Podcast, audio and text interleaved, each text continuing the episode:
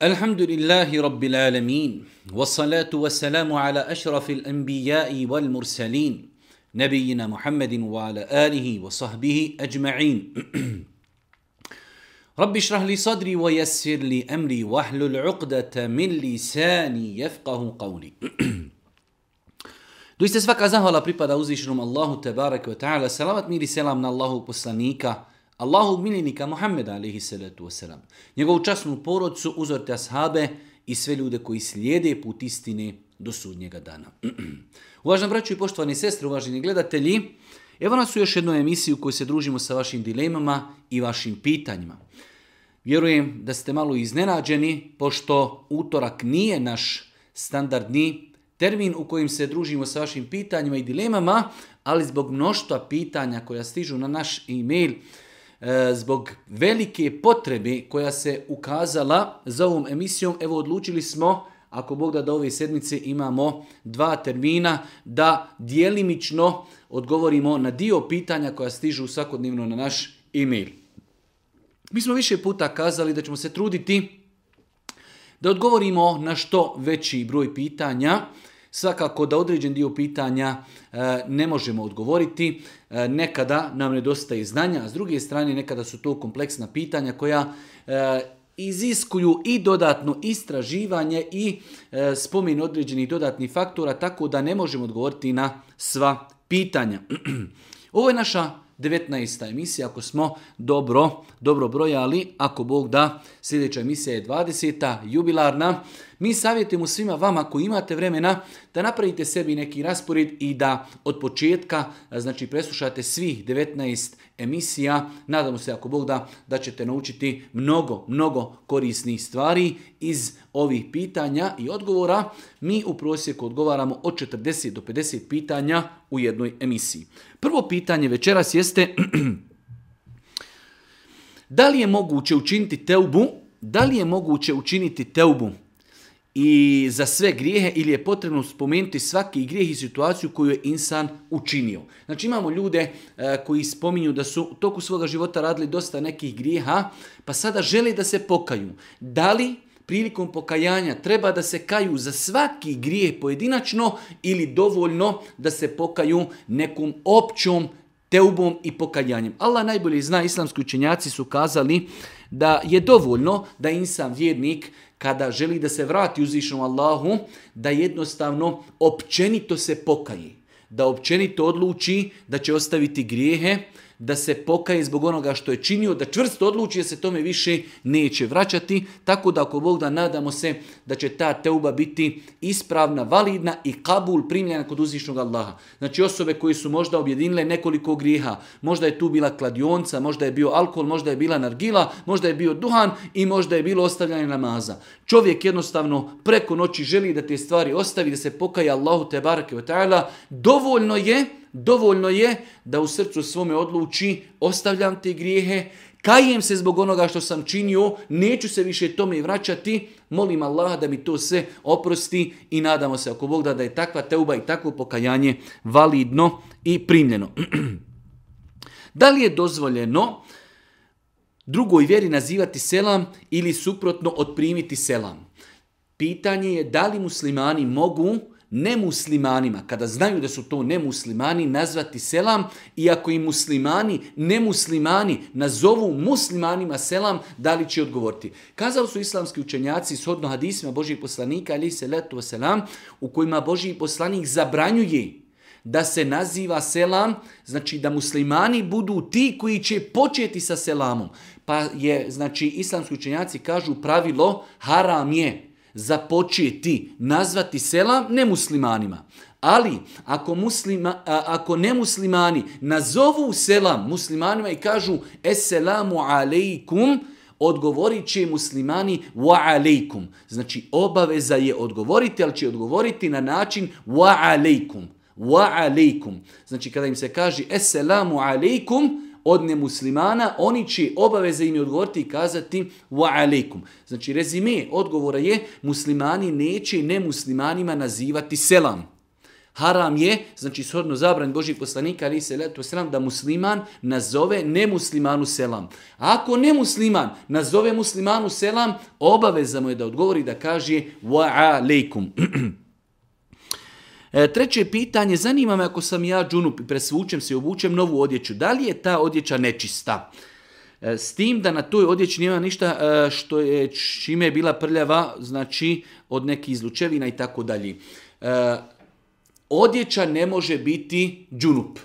Znači, tako da insan insan ako je siguran, znači ako je čovjek imao intimni kontakt sa suprugom, nakon toga, nakon toga, znači još se nije okupao, ali je otišao u toalet, oprao je spolni organ, oprao je znači e, dio tijela oko spolnog organa koji je možda bio u datom momentu e, ovlažen ili onečišćen sa znači tekućinama koje nastaju kao plod intimnog kontakta. Ako čovjek to očisti, nakon toga obuče odjeću, a on je još džunup, ta odjeća je čista. Znači bitno je da ta odjeća nije došla u dodir sa nečim, znači nečistim. A to što je bila samo na džunup tijelu, to ne znači da je ta odjeća nečista. Znači, ako bi insan džunup obukao neku odjeću, ta odjeća nema sa tim ništa. Zato čovjek znači koji je e, imao intimni kontakt, ako želi da obuče drugu odjeću, lijepo je da ode u toalet, da očisti, znači da operje spolni organ i mjesto oko spolnog organa od tečnosti koje su nastale kao plod intimnog kontakta. Nakon toga ako e, znači na svoje tijelo obuče unutarnji veš košulju majicu, ta odjeća je ako Bog da čista. Selam, da li je zabranjeno čitati erotski, e, čitanje erotskih priča u kojima nema nikakvih zabranjenih slika, već samo tekst? Islamski učinjaci savremenog doba su skazali da je zabranjeno muslimanu da čita erotske priče. Bez obzira što bez obzira što nema slika, jer kao što je vjerniku naređeno da čuva, da čuva svoj pogled, da čuva svoj jezik, Isto tako mu je naređeno i da čuva svoje uši i ono što čitaju, slušaju njegove uši i ono što, znači, e, o čemu razmišlja njegovo srce. Tako da, islamski učenjaci u svojim fetvama, znači fetve savremenih e, učenjaka, potvrđuju da je zabranjeno čitanje erotskih, erotskih priča. Esselamu alaikum. E, da li je da li griješim ako neko tko tobe jarabi digne ruku na sebe, ja ne mogu da napišem da mu Allah podari džennet. Pitanje je, znači osoba pita da li je griješna ako ne može za osobu koja je izvršila samoubistvo, ne može da kaže Allah da mu podari džennet. E, da li je griješna Insan nije obavezan da za nekoga dovi da mu Allah Želšanu podari džennet. Ali mi muslimani treba da znamo da samoubistvo je veliki grijeh. Samoubistvo je veliki grijeh. Tim grijehom čovjek ne izlazi iz islama. Muslimanima je propisano da čovjeku koji čini samoubistvo, da ga okupaju, da mu klanjaju dženazu, a na dženazi mi dovimo Allahu te ve ta'ala da to mejitu koji izvršio samoubistvo oprosti grijeh da mu podari džennet. Tako da, znači, muslimanima je dozvoljeno e, da dovije za čovjeka koji učinio samoubistvo. Da li će to neko činiti ili neće, to je njegova privatna stvar, ali znači samo ubistvo je veliki, veliki grijeh, ali nije širk. Čovjek sa tim grijehom ostaje u granicama islama. Muslimani čije samoubici okupat će ga, klanjat će mu dženazu, zakopat će ga i u toku klanjanja dženazi oni dovi Allahu te kada da mu oprosti grije, da mu podari dženne. Tako da dozvoljeno je doviti za osobu koja je izvršila samoubistvo, da mu Allah oprosti grije i da mu podari džennet. To ako neko ne može, to je njegova privatna stvar. Eh, jedan malo duži tekst kaže dijete Malo moje imalo nesreću prije mjesec dana, udarilo, udario ga je motor i tako dalje. Pitanje je je li mi dozvoljeno da idem saliti stravu dijetu, mada to ne preferiram. E, mi smo više puta odgovarali da e, izljevanje takozvani stravi ili strahi nije ispravan način liječenja. Insan, znači ako se desi da ima potrebu za liječenjem ili će se liječiti medicinom i ono što kaže medicina, od pretraga, od nalaza, od lijekova i tako dalje, ili će se liječiti Kur'anom, učenjem ruke ili stvarima koje preporučuje Allah poslanik da su korisne kao što je hijjama, kao što je med, kao što je e, zemzem, kao što je čurekut i tako dalje. Znači, ako imamo bilo kakav fizički, psihički, duhovni problem ili se liječimo medicinski i ono što medicina nalaži ili se liječimo onim načinima koje je dozvolio Allah poslanik, a to je ili učenje rukije, ili konzumiranje meda, ili hidžamom, ili čurekutom, pijenjem zemzema i tako dalje. Tako da e, izljevanje strave, izljevanje strave je neispravan način liječenja.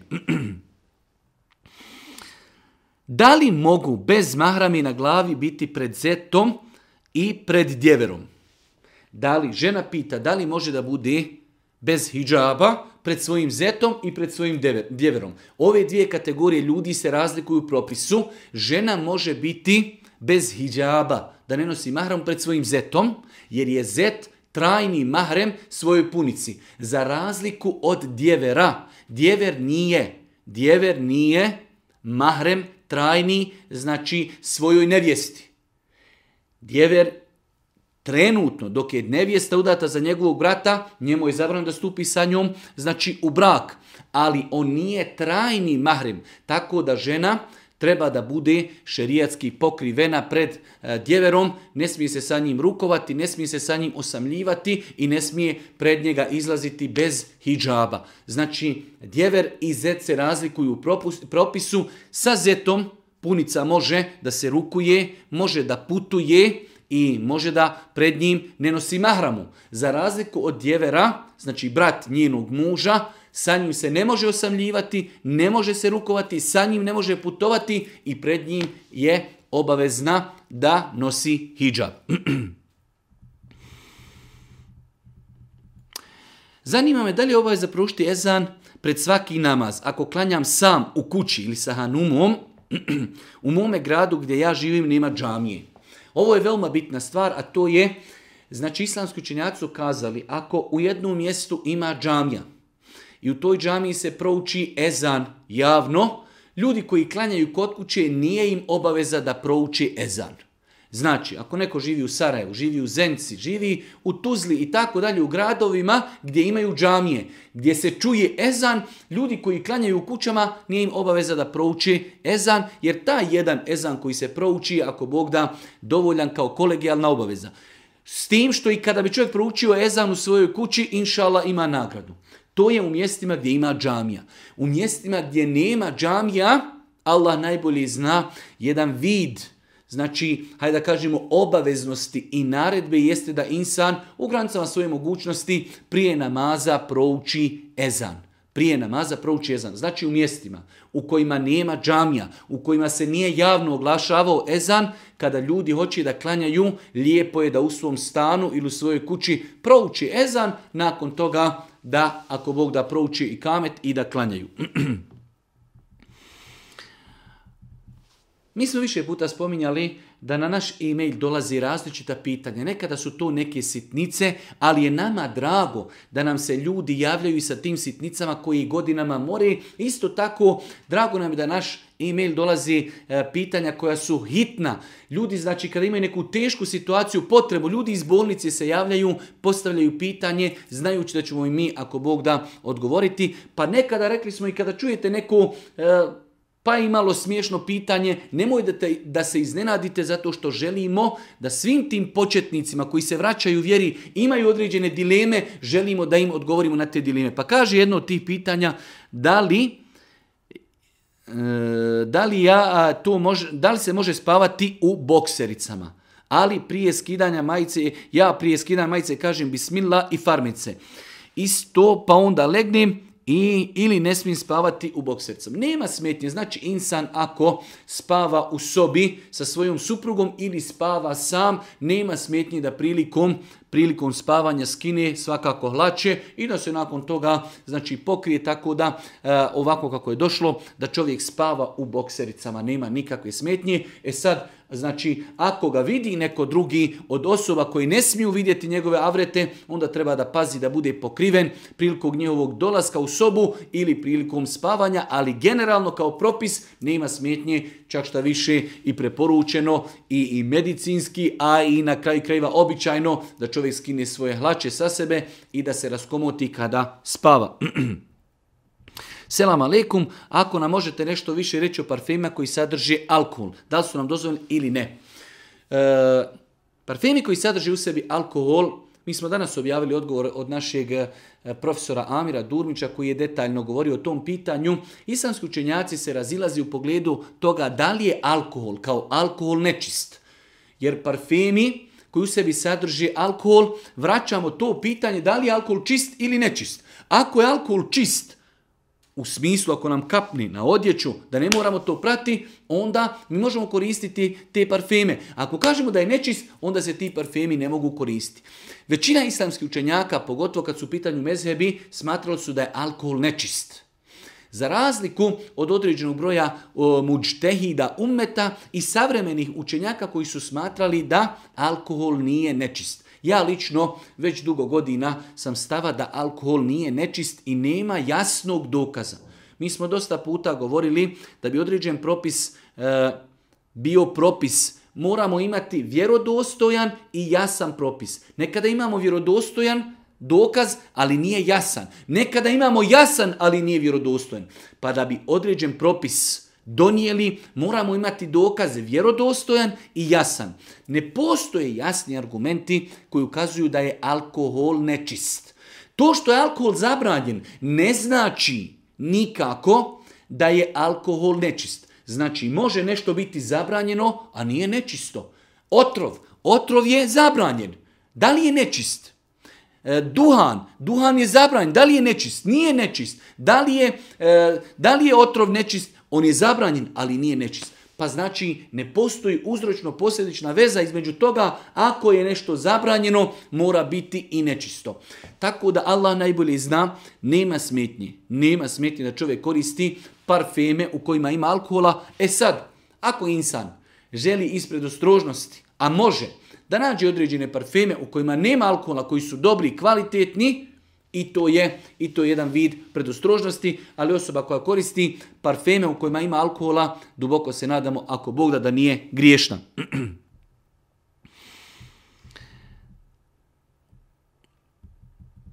E, više puta nam se postavljaju pitanja i nema veze da se određena pitanja s vremena na vrijeme i e, ponove, a to je da osobe koje u početku kada se djeca rodila nisu e, imale mogućnost ili zdravstvenu ili materijalnu ili ili neku drugu, nisu mogle da zakolju akiku za svoje novorođenče, da li se akika može klati naknadno? Može. Znači, islamski učinjaci jesu kazali da je sunnet da se akika zakolje sedmi dan, pa ako ne može sedmi, onda 14. dan, ako ne može 21. dan. Ako čovjek nije zaklao na početku, prošlo je godina, dvije, da li ima nakon toga mogućnost da zakolja akiku? Svakako. Nema nikakve smetnji da se akika zakolje i nakon godinu dana i nakon dvije, onda kada insan ima mogućnost i zdravstvenu i materijalnu. Nekada neko živi na mjestima gdje ne može naći akiku da je zakolji ili jednostavno želi da zakolje tu svoju akiku sa svojim prijateljima, rođacima, možda negdje živi daleko. Neko nekada i ne može materijalno da zakolje akiku, pa kada imadni materijalnu mogućnost, neka to i uradi. Tako da osobe koje nisu zaklale akiku za svoje dijete, nema smetnje da zakolju akiku i kada je djetetu 5 godina i 6 godina i 7 godina i 8 godina, nema nikakve smetnje da se i tada akika zakolji. Svakako oni koji mogu i materijalno, a i iz drugih uvjeta, najbolje da se akika završi i zakolji sedmi dan po rođenju djeteta. Eselamu alaikum, iskušana sam smrću bliskog e, člana poroce. S obzirom da učenje teuhida umrlom nije potvrđeno u Koranu i Sunnetu, da li je grije da se prisutuje tomi? Učenje teuhida ili tehvida, kako se kaže, je, Allah najbolje zna, novotarija, određena stvar koja e, nema nikakvo utemeljenje u islamu.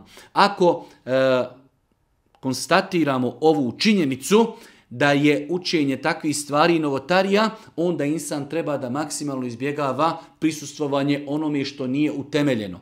Znači, ako smo rekli da je to novotarija, onda se insan treba truditi da ne prisustvuje stvarima koje nisu utemeljene u vjeri.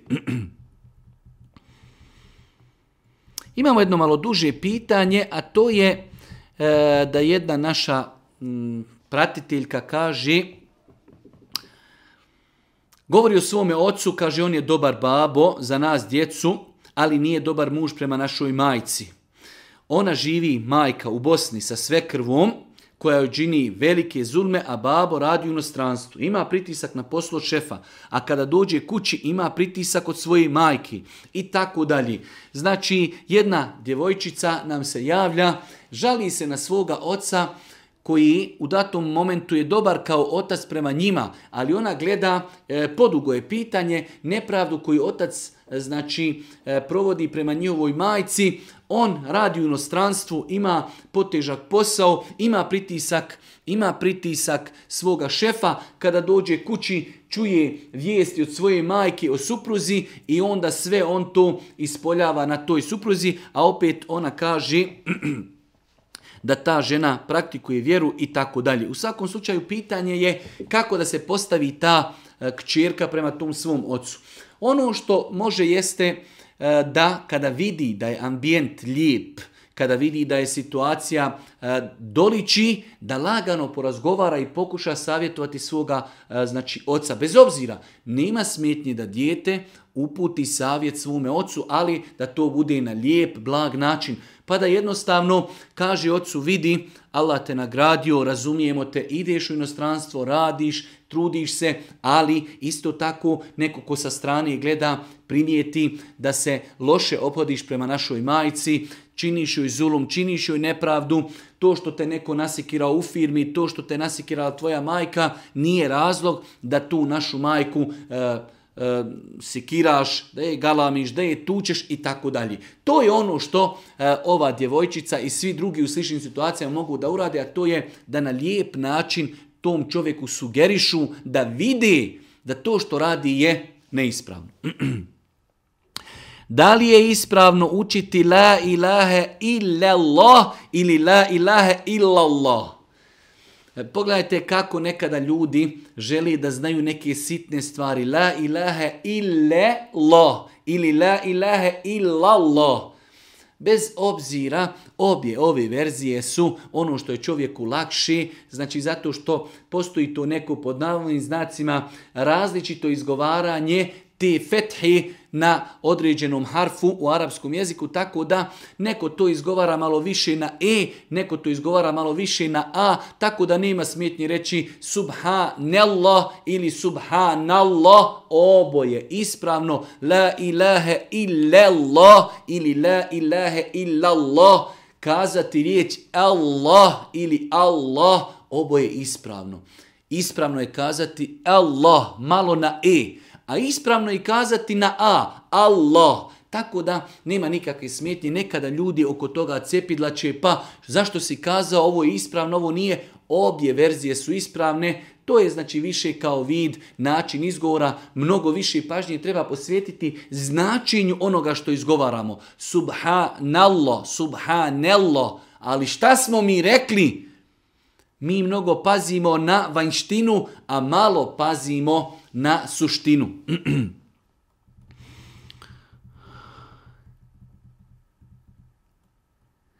E, jedno malo duže pitanje gdje nam je postavljeno pitanje e, nejasnoće u vezi kamatnih kredita u Europi gdje nam je ovaj naš Znači posjetitelj, da li je to bila e, neka sestra ili brat, nije ni bitno. Jednostavno kaže, e, teška su vremena, nemoguće je na zapadu živjeti osim da se uzme kamatni kredit i tako dalje. U svakom slučaju, pa i jedan vid kritike tog našeg stava gdje mi kažemo da znači nije ispravno uzeti kamatni kredit da bi se riješilo stambeno pitanje, sve dok čovjek ima alternativu. Braću moja draga i ciljne sestre, e, ovo je stav kojeg mi nosimo u svojim prsima. Tako smo ga naučili od islamskih učenjaka. Postoji dio učenjaka koji je kazao da ljudi koji žive na zapadu, kada žele da riješi stambeno pitanje, ako ne mogu na drugi način da to riješi, imaju pravo da uzmu kamatni kredit. To je njihov stav, mi se ne slažemo sa tim stavom, smatramo da je kamata kamata, znači sve dok čovjek ima alternativu, a uvijek na zapadu ima alternativa da čovjek stanuje pod kirijom smo kazali i dalje stojimo iza tog stava, bolje je da čovjek bude pod kirijom u Allahovom zadovoljstvu, nego da bude u kući koju kupio od kamate, ali u srđbi uzvišnog Allaha, ratujući protiv uzvišnog Allaha, te barakatala. Oni ljudi koji iz ubjeđenja shvatili su, čitali su, učili su i za njih ne slijedeći strasti, ne uzimajući u obzir kao stvarnost, ne, na osnovu dokaza osobe koje shvati da je ulema koja je to dozvolila zaista u pravu i slijedi tu ulemu, oni ako Bog da neće biti griješni, ali ne da mi samo slijedimo, pa eto ovo nam mišljenje više odgovara, mi ćemo uzeti kamatni kredit zato što nam ovo mišljenje odgovara. Tako se ne slijedi islam i nije to znači iskrenost u odabiru stava. Nije to iskrenost u odabiru stava, ali ako bi neko to uradio, slijedeći te ljude, uzimajući njih za autoritete, nadamo se ako Bog da, nije griješan, naš stav je da nije dozvoljeno uzeti kamatni kredit da bi čovjek znači kupio i riješio stambeno pitanje sve dok ima mogućnost alternativi. U ovom slučaju alternativa postoje, to je stanovanje pod kirijom. S druge strane, vezano za ovo pitanje, ako dozvolimo da se uzima kamatni kredit, nikada muslimani neće početi razmišljati da riješi jednom taj problem. Dobro, imamo kamatne, imamo banke, uzimamo kamatne kredite i to je to. Ali kada kažemo ljudima haram je uzeti taj kamatni kredit, mora će doći vrijeme kada će muslimani kazati pa dobro, daj da nađemo mi neko rješenje, daj da mi otvorimo islamsku banku, daj da mi nađemo mogućnost islamskog financiranja kupovine stambenih objekata. Ovako, mi smo našli sebi rješenje, Ulema je dozvolila da se uzme kamatni kredit i nećemo normalno više tragati za rješenjem. Svakako osnova je da je kamata zabranjena, držimo se te osnovi i ljude podstičemo na taj način da traži, imaju muslimani, alhamdulillah, i milionera, i milijardera, imaju ekonomista, imaju inženjera, imaju pametnih ljudi, neka se ti pametni umovi okupe i neka nam riješi taj problem da omoguće muslimanima da na halal i dozvoljen način putem investiranja, putem ulaganja, putem štednje to je njihov posao, neka nam nađu rješenje kako možemo mi riješiti stambeno pitanje na halal način. da li je tačno da je svaki pas, crni pas šetan? Šta to predstavlja i može li nam nauditi kako da se zaštitimo i tako dalje. Došlo je u vjerodostojnim hadisma koji bilježima muslim da je Allah poslanik Ali se ratu sam kazao crni pas je šetan. Znači vjerodostojen hadis kod imama muslima da je Allah poslanik kazao crni pas je šetan. E sada, Islamski učenjaci u pogledu tog hadisa imaju doista različite stavove šta to znači. Neki su to shvatili da se misli da je crni pas dodatno bijesan i dodatno nanosi štetu, pa ga je od poslanik nazvao šeitan. Neki su opet shvatili da zaista među psima ima kategorija šetana, a to su crni psi. U svakom slučaju, hadis se vjerodostan i mi vjerujemo riječima Božih poslanika da je crni pas šetan. Da li nam crni pas može nešto dodatno nauditi? Da nama je, kao što se čuvamo sihra, čuvamo se šetana, džina, e, zavisti i tako dalje, uroka, da učimo jutarnji večerni zikr, da se oslavanjamo na Allah, te ta'ala i tako dalje, da kao što se štitimo od svih drugih zala i zavisti i uroka i sihra i crne magije, isto tako ćemo se štititi i od crnog psa kada je u pitanju to neko njegovo znači djelovanje na nas koji nije fizičko. A kad je u pitanju fizičko čuvanje, čuvamo se od crnog psa kao što se čuvamo i od svih drugih pasa.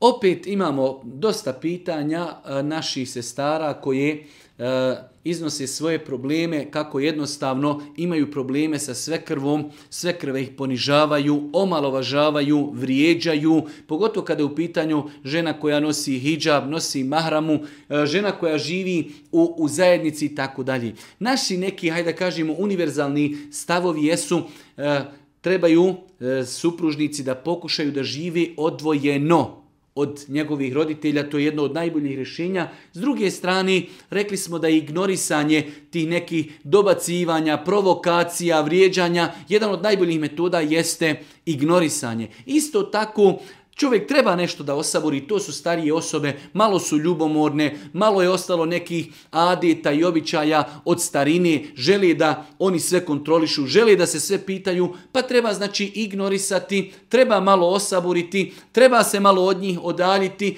treba i malo činiti dobročinstvo, da ih svojim dobročinstvom malo za, e, zadužimo i zastidimo. To je ono što insan može, ono što je bitno da muž i žena imaju zajednički stav, da oni zajedno nastupaju, da muž razumije svoju suprugu ako znači njegova majka nju vrijeđa, napada, znači treba da je odbrani, treba da porazgovara sa svojom majkom, ali generalni ti neki savjeti jeste ignorisanje, dobročinstvo, strpljenje, Znači, to su ti neki generalni savjeti i odaljiti se od takvih osoba po mogućnosti.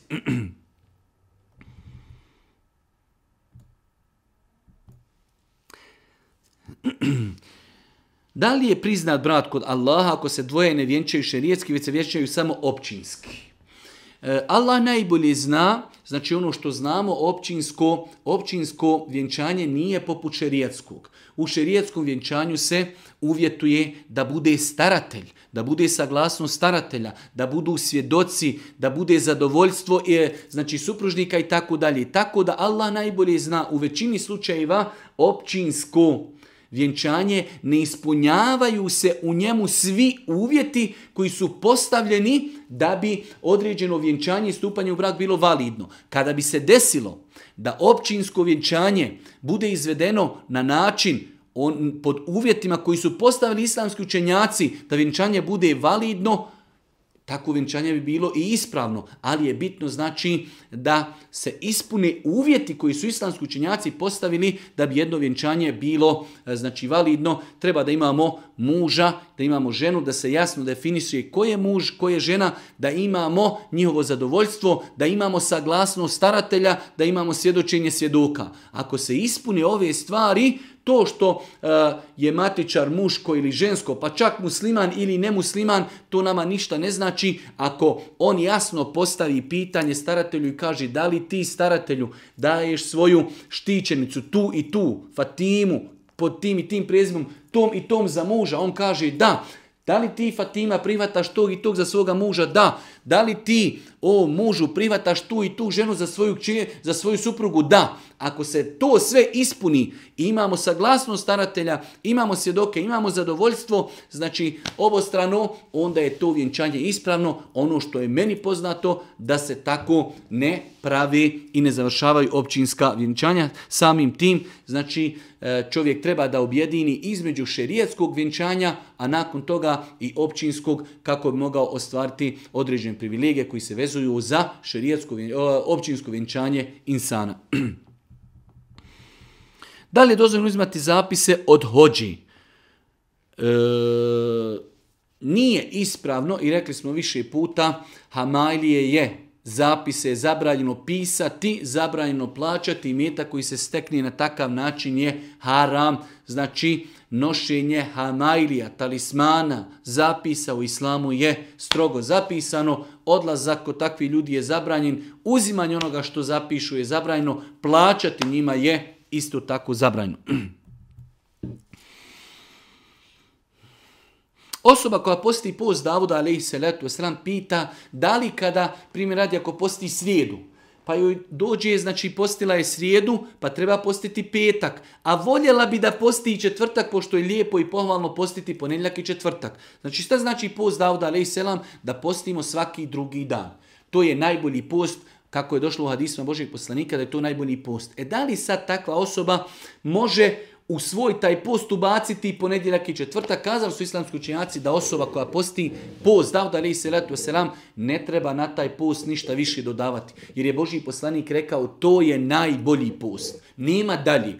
Osim onih dana koji su jednom godišnje kao što je dan Arefata ili dan Ašuri. E tada osoba koja posti post Davuda A.S. selam može u taj svoj post ubaciti i ove dane. Mimo toga znači insan jedne sedmice neće postiti četvrtak, sljedeće sedmice hoće i tako dalje zato što znači sedam dana je neparan broj pa jedne sedmice neće padati na četvrtak post, druge sedmice hoće. Rezime, osobe koje postije post Davuda A.S. ne trebaju tokom sedmice da dodaju u svoj post ponedjeljak i četvrtak, jer sam Davudov post je nešto najbolje što insan može postići kada je u pitanju dobrovoljni post. E, kako tumačiti hadis ko propusti Kindiju kao da je izgubio svoju porodcu i da su mu propala dijela? Islamski učenjaci su se dobro razišli, a svi kažu Allahu poslanik je želio da ovdje zastraši osta, ostavljača namaza. Če znači, Allah poslanik kaže onaj ko ostavi, ostavi kindiju namaz, propala su mu djela. Kako se razumije taj hadis? Jedan dio učenjaka je kazao to znači on je postao nevjernik i propala su mu sva djela. Pogledajte koliko opasno. Znači dio učenjaka je shvatio hadis Božih poslanika ko ostavi i kindiju propala su mu sva djela, pa kažu ne mogu mu propast sva djela osim ako je on nemusliman. Ostavio je namaz, samim tim on je i nemusliman, propala su mu sva djela. Drugi opet kažu, ako je to čovjek uradio povremeno, ako bi čovjek tako ostavio nikad ne klanja ikindiju, onda on znači po tim učenjacima nije musliman. Ali ako bi čovjek kažu nekada ostavio ikindiju namaz, onda on time ne izlazi iz vjeri. Ali kako shvatiti hadas, Hadis pa su kazali da se to može odnositi na dijela koja uradio u toku tog dana. Znači dio učenjaka je tumačio ovaj hadis da se to odnosi na oso, na dijela koje je čovjek uradio u toku dana. U svakom slučaju hadis je zastrašujući. Hadis nas zastrašuje da ne ostavljamo i kindiju i da je pazimo. Dio učenjaka je kazao da onaj ko ostavi kindiju namaz, time je postao nemusliman i propala su mu sva dijela opasno, veoma opasno, tako da je najbolje taj hadis uzeti onako po njegovoj vanštini bez ikakvog tumačenja. Ko ostavi i kindju namaz, propala su mu dijela. Živim u Americi, ovdje ljudi kupuju kuće na kredit, auta i tako dalje i sam sam u toj poziciji. Znam da je kamata zabrana. Interesno je da li smo mi griješni ako plaćamo tu kamatu. O tome smo detaljno govorili, mi smo stava da E, kupovina auta, kupovina kuća na kamatni kredit je zabranjena sve dok imamo alternativu, a to je da stanujemo u kućama gdje plaćamo kiriju. Zanima me da li je ženin brat po mlijeku mahrem? Da. Da li je ženin brat po mlijeku mahrem?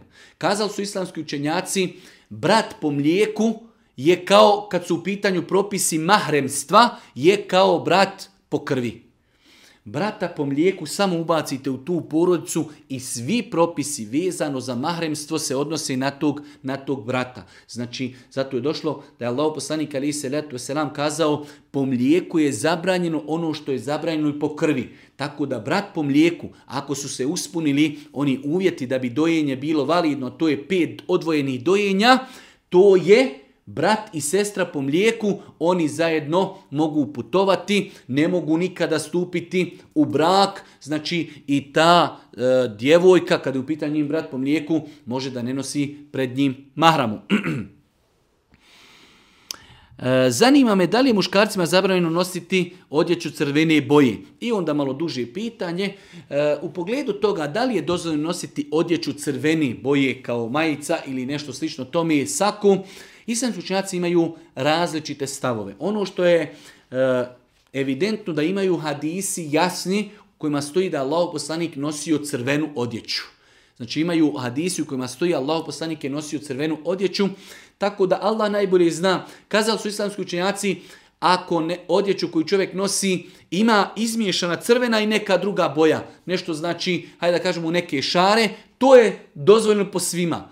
Pitanje je da li čovjek može nositi majicu ili nešto slično tome koja je potpuno crvena. Ja lično sam stava da nema nikakve smetnje da se nosi odjeća koja je crvena, čak šta više, znači možemo slobodno i kazati, poslanik ali se se nam je nosio crveno, pa i mi možemo nositi crveno ogledajući se u sunnet Božijeg poslanika alihi salatu wasalam. Oni koji su i kazali da je to zabranjeno, kazali su da je to na stepenu mekruha, a ne da je to haram. Tako da Allah najbolje zna, nema nikakve smetnje nositi odjeću crveni boji.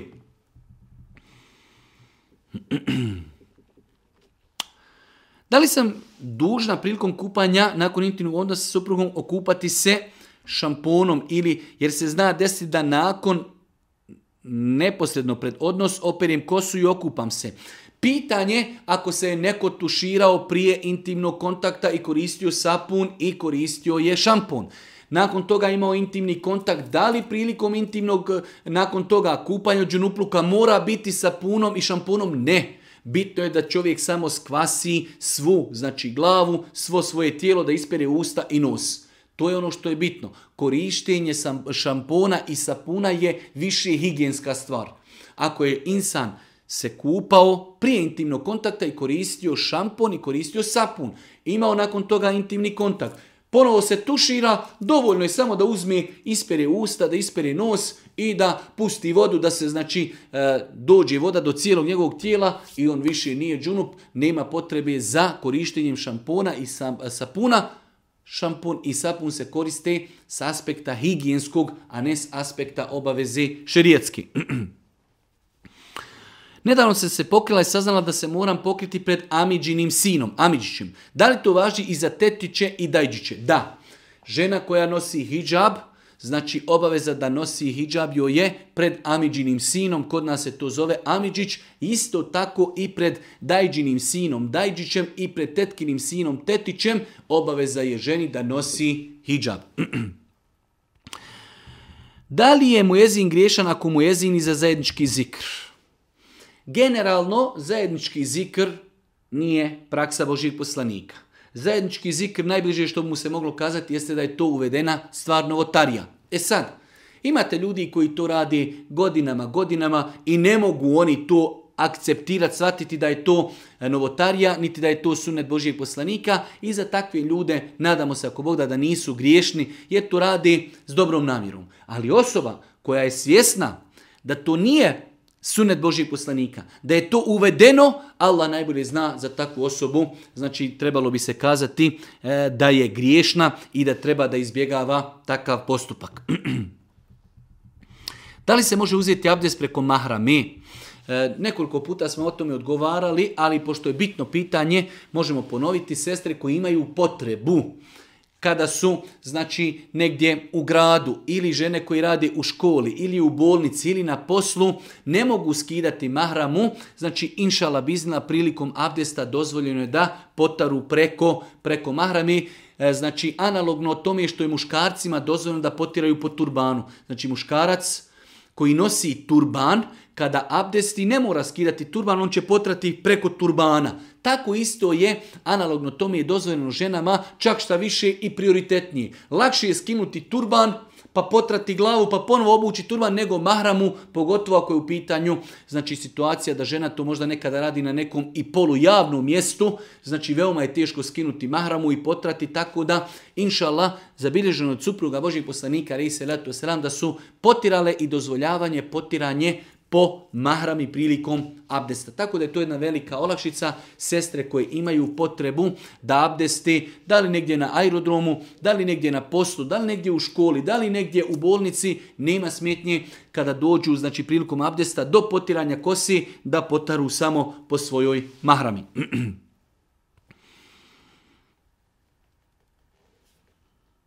Možemo li kazati bismillah prije uzimanja abdesta u toaletu? Može. Nema smeti inšala da čovjek u toaletu prilikom kupanja i prije kupanja kaže bismilna.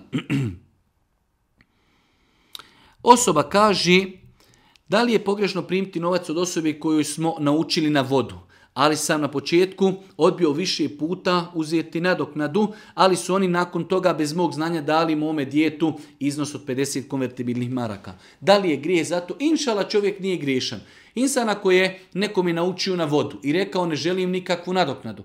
Pa taj neko kao neki vid zahvali, dadne tom njegovom djetetu neku hediju, poklon 10, 20 ili 50 maraka. Insan je jasno rekao ne želim da to uzmim, oni su to dali kao poklon djetetu, tako da u toj situaciji Allah, insan nije griješan. Jedno pitanje od jednog momka kaže dobio sam preporuku za jednu sestru, e, znači da je hajli i tako dalje, pa smo se upoznali s aspekta vjerskog, ona mi se sviđa, znači moralna čestita, ali s aspekta fizičkog, znači niti mi se sviđa, niti ne sviđa. Ja sam više puta u ovakvim situacijama govorio o tim o mladincima koji žele da stupe u brak. Ljepota ne smije da bude presudan faktor. Svakako da je najljepši insan koji može kada se ženi da nađe djevojku koja je moralna, vjernica, čestita, a i lijepa, sviđa mu se. To je najljepši. Ali isto tako mora da znamo da ta ljepota je nešto sporedno, ali isto tako i prolazno. Osnova je ženina moralnost, čednost i vjera. Ja sam stava da e, čovjekov odnos prema ženi može se gledati u jednoj od tri kategorije. Imamo žena koja se čovjeku sviđa, lijepa mu je fizički. Imamo osobu koja niti mu se sviđa, niti mu se ne sviđa. Neka sredina, imamo osobu koja se čovjeku jasno ne sviđa. Jednostavno, to bejarabi, ali za njega je to ružna osoba.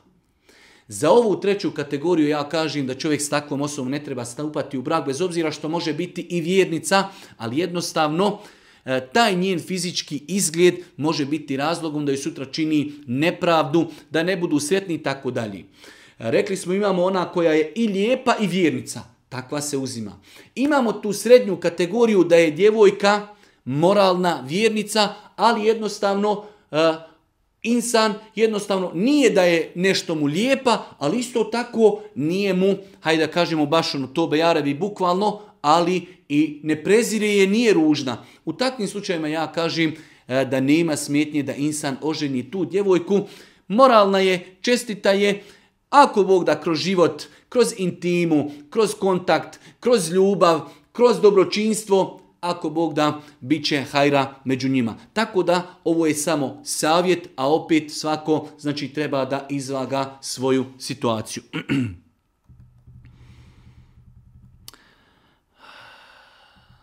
Imamo jedno pitanje, ono standardno, e, kaže kao male, e, dječak išao sam u Mejtef, učio sam sufaru, čitao sam Kur'an i hadise od Božih poslanika, ali se letu selam, ali jednostavno imam problem, pijem alkohol, znam da je to grijeh, kajem se, ali nikako da to ostavim, pa znači savjet kako da se čovjek ponaša. Insan treba da zna da je alkohol islamu zabranjen. Uzvišen je Allah kada zabrani nešto, zabrani zbog naše koristi. Onaj ko pije alkohol na dunjalku, neće piti alkohol na ahiretu. Insan se treba paziti društva, jer kada insan ima hajili društvo, to je jedan dobar metod da ostavi loše navike. Kada ima loše društvo, sa njima će posegnuti za porocima i grijesima i tako dalje. Isto tako mnogo dovi Allahu da učvrsti insana. Znači dobro društvo, dova, spoznaja da je alkohol zabranjen, spoznaja da onaj ko pije alkohol na dunjalku neće ga piti e, na ahiretu. Sve su to neki faktori e, znači koji mogu utjecati pozitivno na insana da ostavi određenu zabranjenu stvar. Imamo više ti nekih pitanja od naših omladinaca koji nekada živi u društvu gdje nema pokrivenih djevojaka, kako da nađu djevojku za brak. Mislim da insan samo treba da bude malo, da bude opušten i da jednostavno da se potrudi. Osoba koja želi da nađe djevojku za brak, a želi da je nađi na halali dopušten način, najbolji način jeste preporuka. Insan koji želi da se ženi jednostavno treba da na svakom mjestu gdje dođe i razglasi ljudi, ženim se, tražim ha ili pokrivenu djevojku, vjernicu za, za brak pa će kazati svojoj majci, svome tetku, svojoj tetki, svome prijatelju, poznanicima, ljudima koji su već oženjeni svojim prijateljima da kaži znaju li vaše žene neke djevojke koje su pokrivene, koje bi se udale i tako dalje. Tako da uz Allahu tala pomoć mislim da je skoro pa nemoguće da insan razglasi u tom svom nekom okruženju od prijatelja, poznanika, radnih kolega, e, znači e, u džematu, e, svojoj rodbini, da kaže tražim ili djevojku i da ne nađi. Mislim da je tu izuzetno teško.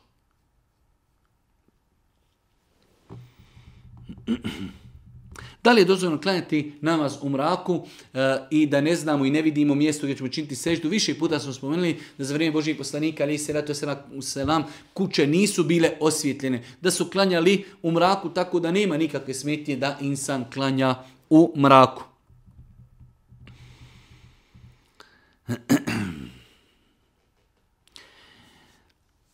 Je li hijab moram nositi pred sinom od muža iz prvog braka, kada nam na konak dođe dječak od šest godina? Žena se udala za čovjeka, on ima sina iz prvog braka. Da li ona smije i mora nositi hijab pred njim? Ne, ne mora nositi hijab, znači ona je njemu trajno zabranjena. Allah Žešanu kaže Nemojte ženiti, zabranjuje vam se da ženite one žene koji su ženili vaši očevi, to je znači njegova žena iz drugog braka. Pa je dijete koje ima muž iz prvog braka trajni mahrem toj njegovoj ako bi je mogli nazvati mačehi, tako je kod nas taj neki termin, ali možda ljepše kazati njegovoj, e, znači supruzi njegovog oca, ali nije to njegova majka, već je njegov otac se oženio po drugi put, pa to dijete znači je trajni mahrem toj ženi i nije njoj obaveza da nosi mahramu pred njim. Znači ako je čovjek, ako je čovjek bio oženjen i ima dijete, nakon toga se ponovo oženi. Ta njegova druga žena mora li nositi hijab pred njegovim tim djetetom? Ne mora nositi hijab pred njegovim tim djetetom.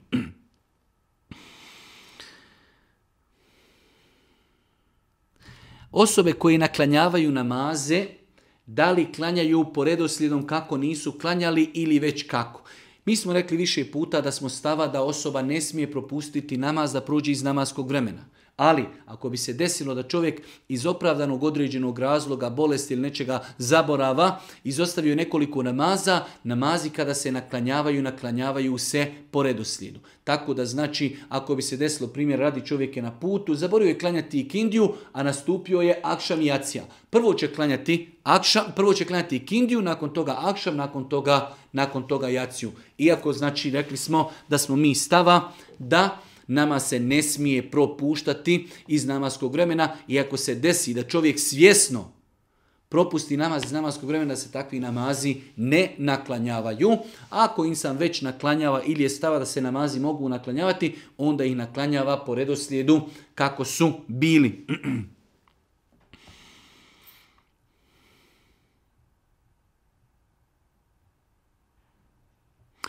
Imamo jedno interesantno pitanje. Moji roditelji su griješni.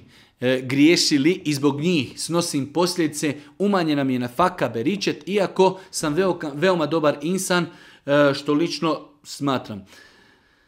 Da se nešto može učiniti po tim pitanju i tako dalje.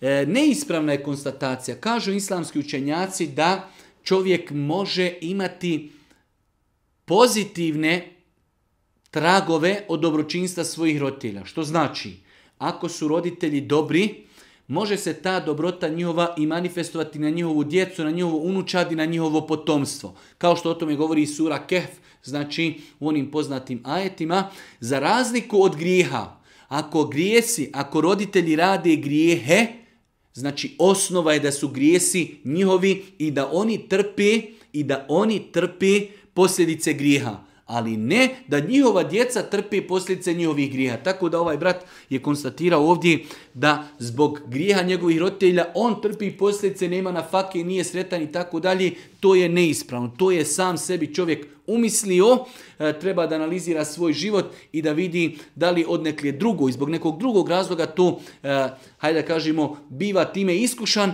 ali zbog grijeha njegovih roditelja učenjaci su kazali e, grijesi roditelja posljedice grijehe roditelja ne trpe djeca, za obrnuto, ako su roditelji dobri, djeca mogu osjetiti blagoslov beričet u svome životu zbog dobroti njihovih roditelja.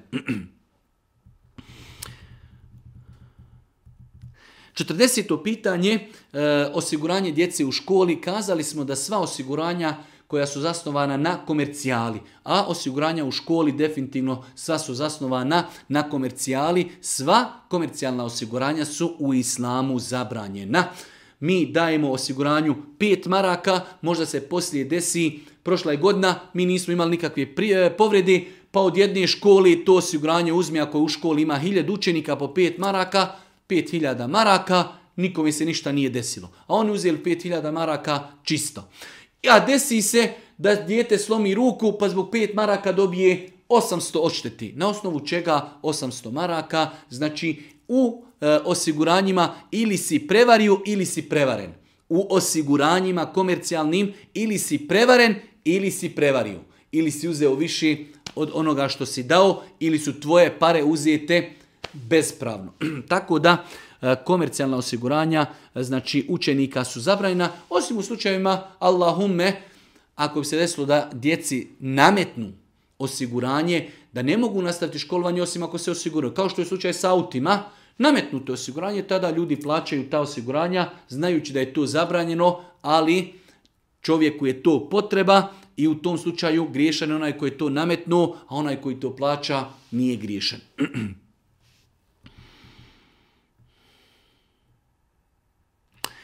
Osoba koja ima problema sa sihrom pa kaže manifestuje se da ima pritisak u glavi, mantanje, malaksavost i tako dalje. E, kada slušam Kur'an i ostale stvari, e, znači imam problema. E, šta u takvim slučajima raditi? Problemi sihra, više puta smo govorili o tome, insan koji ima problema sa sihrom ide u dva pravca, ide na učenje rukije, uči sam sebi rukiju, traži nekoga ko ispravno, na validan ispravan način liječi učenjem Kur'ana, u svemu tome pazi, uči jutarnji zikr, večernji zikr, namaz, čuva se griha, čuva se lošeg društva, očistit će svoju kuću od svega onoga što e, ne dozvoljava ulazak e, meleka u kuću, kao što su slike, kao što je muzika, kao što je znači alkohol, e, Insan to je ono što je u mogućnosti. Učenje jutarnjih večernjeg zikra, oslonac na Allaha, dova, odlazak kod osoba koji ispravno uči na e, znači Kur'anom, učenje sam sebi ruke, to je ono što insan može uraditi. Pitanje kako da se ponaša insan u pogledu pitanja gdje su islamski učenjaci zauzeli različite stavove. Ovdje je konkretno pitanje učenje fatihi za imamom. Generalno je pravilo, braćo moje dragi i sestre, da insan treba da slijedi Kur'an i sunnet. Ako insan ima kompetenciju da pročita stavove učenjaka i kaže aha ovo su stavovi jedni, ovo su drugi. Razumije stavove, razumije dokaze, razumije njihove odgovore, može odabrati jače mišljenje, onda će on i odabrati jače mišljenje. Ako ne može, nema kompetencije, jednostavno čovjek nije studirao islamske nauke, ne razumije se šta znači jačina dokaza, šta znači kuranski dokaz, hadijski dokaz, derogirani, derogirajući, opći i tako dalje, mnoge vrste dokaza, takav insan će slijediti onoga koji je za njega najučeniji i najpovjerljiviji postavit će pitanje onome kome najviše vjeruje i onome koje je za njega najučeniji. Šta mu taj insan rekni, on će se tako i ponašati. Znači imamo dvije kategorije ljudi. Imamo kategorije ljudi koji mogu, došli su na taj naučni nivo da mogu pročitati raspravu učenjaka, razumiju i mogu izvagati šta je jače mišljenje. Takva osoba će slijediti ono gdje bude smatrala da je jače mišljenje. Osoba koja nema tu kompetenciju, to pitanje koje želi postavit će najučenijoj osobi koju smatra najučenijom i najbogobojaznijom. Šta mu takva osoba rekni, on će raditi po tom pitanju i to je takozvani taklid, mukallid, osoba koja slijedi nečije mišljenje osobe koja je učena i kojoj vjeruje. po pitanju nasljedstva roditelja i metka koji je musliman, kao musliman pod navnim znacima, pošto su došli hadisi da je Allah poslanik zabranio da se nasljeđuju nevjernici. E, dugo je pitanje, vraća se stvar na to da li je taj naš mejit musliman ili ne, u smislu. E, da li će ga ljudi protekfiriti, da li je dovoljno to što je za sebe kazao ja sam haso, da li je klanjao, da li je postio i tako dalje. Shodno tome, znači ako je čovjek imao pri sebi određene stvari od islama, tvrdio je da je musliman, išao je na bajrame, išao je na teravije, postio je, povremeno je klanjao namaz i tako dalje. Takva osoba je musliman i dozvoljen njegovim nasljednicima da naslijede njegov imetak. Za razliku od osobe koja se deklariše nije musliman, ne musliman, znači nevjernik od takve osobe insan neće nasljeđivati. Ako bi se desilo primjer radi da e, čovjek iz nemuslimanske porodice primi islam, on neće nasljeđivati e, znači e, svoje roditelje koji su ostali nemuslimani, niti će oni nasljeđivati njega. Zanima me da li je dozvoljeno ženama učestvovati u takmičenjima u kvizu Kur'ana ako u komisiji za ocjenjivanje će biti muški članovi. U svakom slučaju, kada su u pitanju e, kvizovi Kur'ana, najbolje bi bilo da za muškarca ima komisija, znači e, muškaraca, za žene da bude komisija e, ženskog sastava. Znači, ako imamo ime Kur'ana, najbolje bi bilo da muškarci imaju komisiju od muških članova, a žene da imaju komisiju od ženskih. Ako nema, ako su znači članovi komisije muškarci, žena bi trebala da ako već učestvuje, ako već učestvuje da nosi nikab i da uči po teđvidu bez uljepšavanja glasa. Da uči po teđvidu bez uljepšavanja glasa, ako Bog da ako bi se toga pridržavala, nadamo se da nije griješna. Znači, osnova je da bi trebali na kvizovima da imamo komisije ženske i muški. Ako nema, a žena neka želi da učestvuje, nadamo se da nije griješna, jer je ispravno mišljenje da ženin glas nije avret. Ako žena uči samo po teđvidu i ne uljepšava glas, i ako još nosi nikab, onda je to definitivno najbolji. Kada je u pitanju e, sunnet prije kindije, kako se klanjaju četiri rekiata prije kindije, najljepše je svaku na filu koja je četiri rekiata, noćna i dnevna se klanja dva po dva. Tako da znači insan koji klanja e, e, na filu prije podne ili prije ikindije, najljepše je, najljepše je da se klanja dva rekiata, preda se selam, pa se opet ustane i klanjaju se još dva dodatna rekiata. Zaposlen sam u firmi i nakon radnog vremena u firmi imam privatni posao i zbog toga sam često primoran klanjati neki od namaza na samom isteku namaskog vremena. I tako dalje. Govorili smo više puta da, znači, bitno je namaz da se klanja u periodu namaskog vremena. Primjer radi, ako podnije nastupa u 12, a ikindija u 4. Od 12 do 4, kada god da imamo vremena da klanjamo, naš namaz je validan. Allah poslanik kaže u vjerodostojnom hadisu, ko stigne klanjati jedan rekjat i kindije prije zalaska sunca, stigao je klanjati kindiju. Što znači, ako uspijemo klanjati svoj namaz 5 minuta, 10 minuta, 15 minuta prije nastupanja drugog namaskog vremena, naš namaz je validan do te mjeri da poslanik kaže ko stigne klanjati jedan rekiat. Jedan rekiat se klanja za neke 3-4, hajde da kažemo, minute, tako da znači sada preciznost nastupanja namaskih vremenja i tako dalje. Znači insan treba da se minimalno potrudi nekih desetak, 15 minuta prije nastupanja novog namaskog vremena da uspije klanjati namaz. On je ako Bog da klanjao namaz u namaskom vremenu.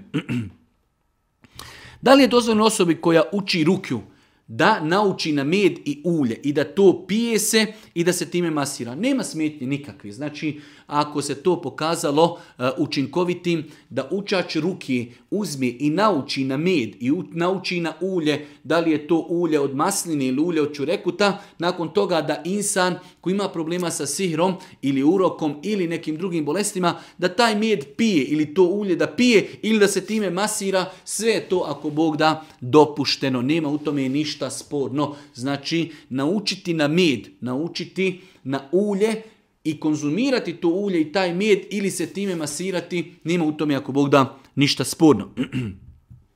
Šta u u situaciji kada te spihamo za hođom, a on brži e, od nas zikri, zikr prouči, pa kreni na sljedeći. Generalno je pravilo da svako za sebe uči zikr nakon namaza, znači zajedničko zikrinje nije prenešeno od Božih poslanika, ali se letu selam. Jedna od tih problema jeste što nekada jednostavno neko zikri brži, neko zikri sporije, tako da dolazi u datom momentu i do pometnji, tako da svako za sebe nakon namaza treba da prouči ajetul kursi, da lagano prouči po 33 puta subhanallah, alhamdulillah. Allahu ekber, jednostavno da se niko ne vezuje ni za koga, znači zajedni zajednički zikr nije bio znači praksa Božeg poslanika, ali se letu selam. Da li je dozvoljeno spavati na stomaku i tako zaspati?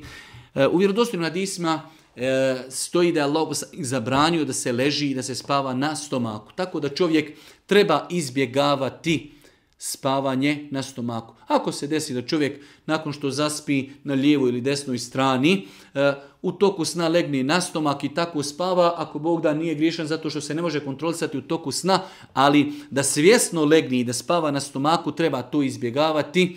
Znači, islamski činjaci su kazali da je to pokuđeno spavati na stomaku zbog jasnih zabrana Božih poslanika, ali se letu vaselam.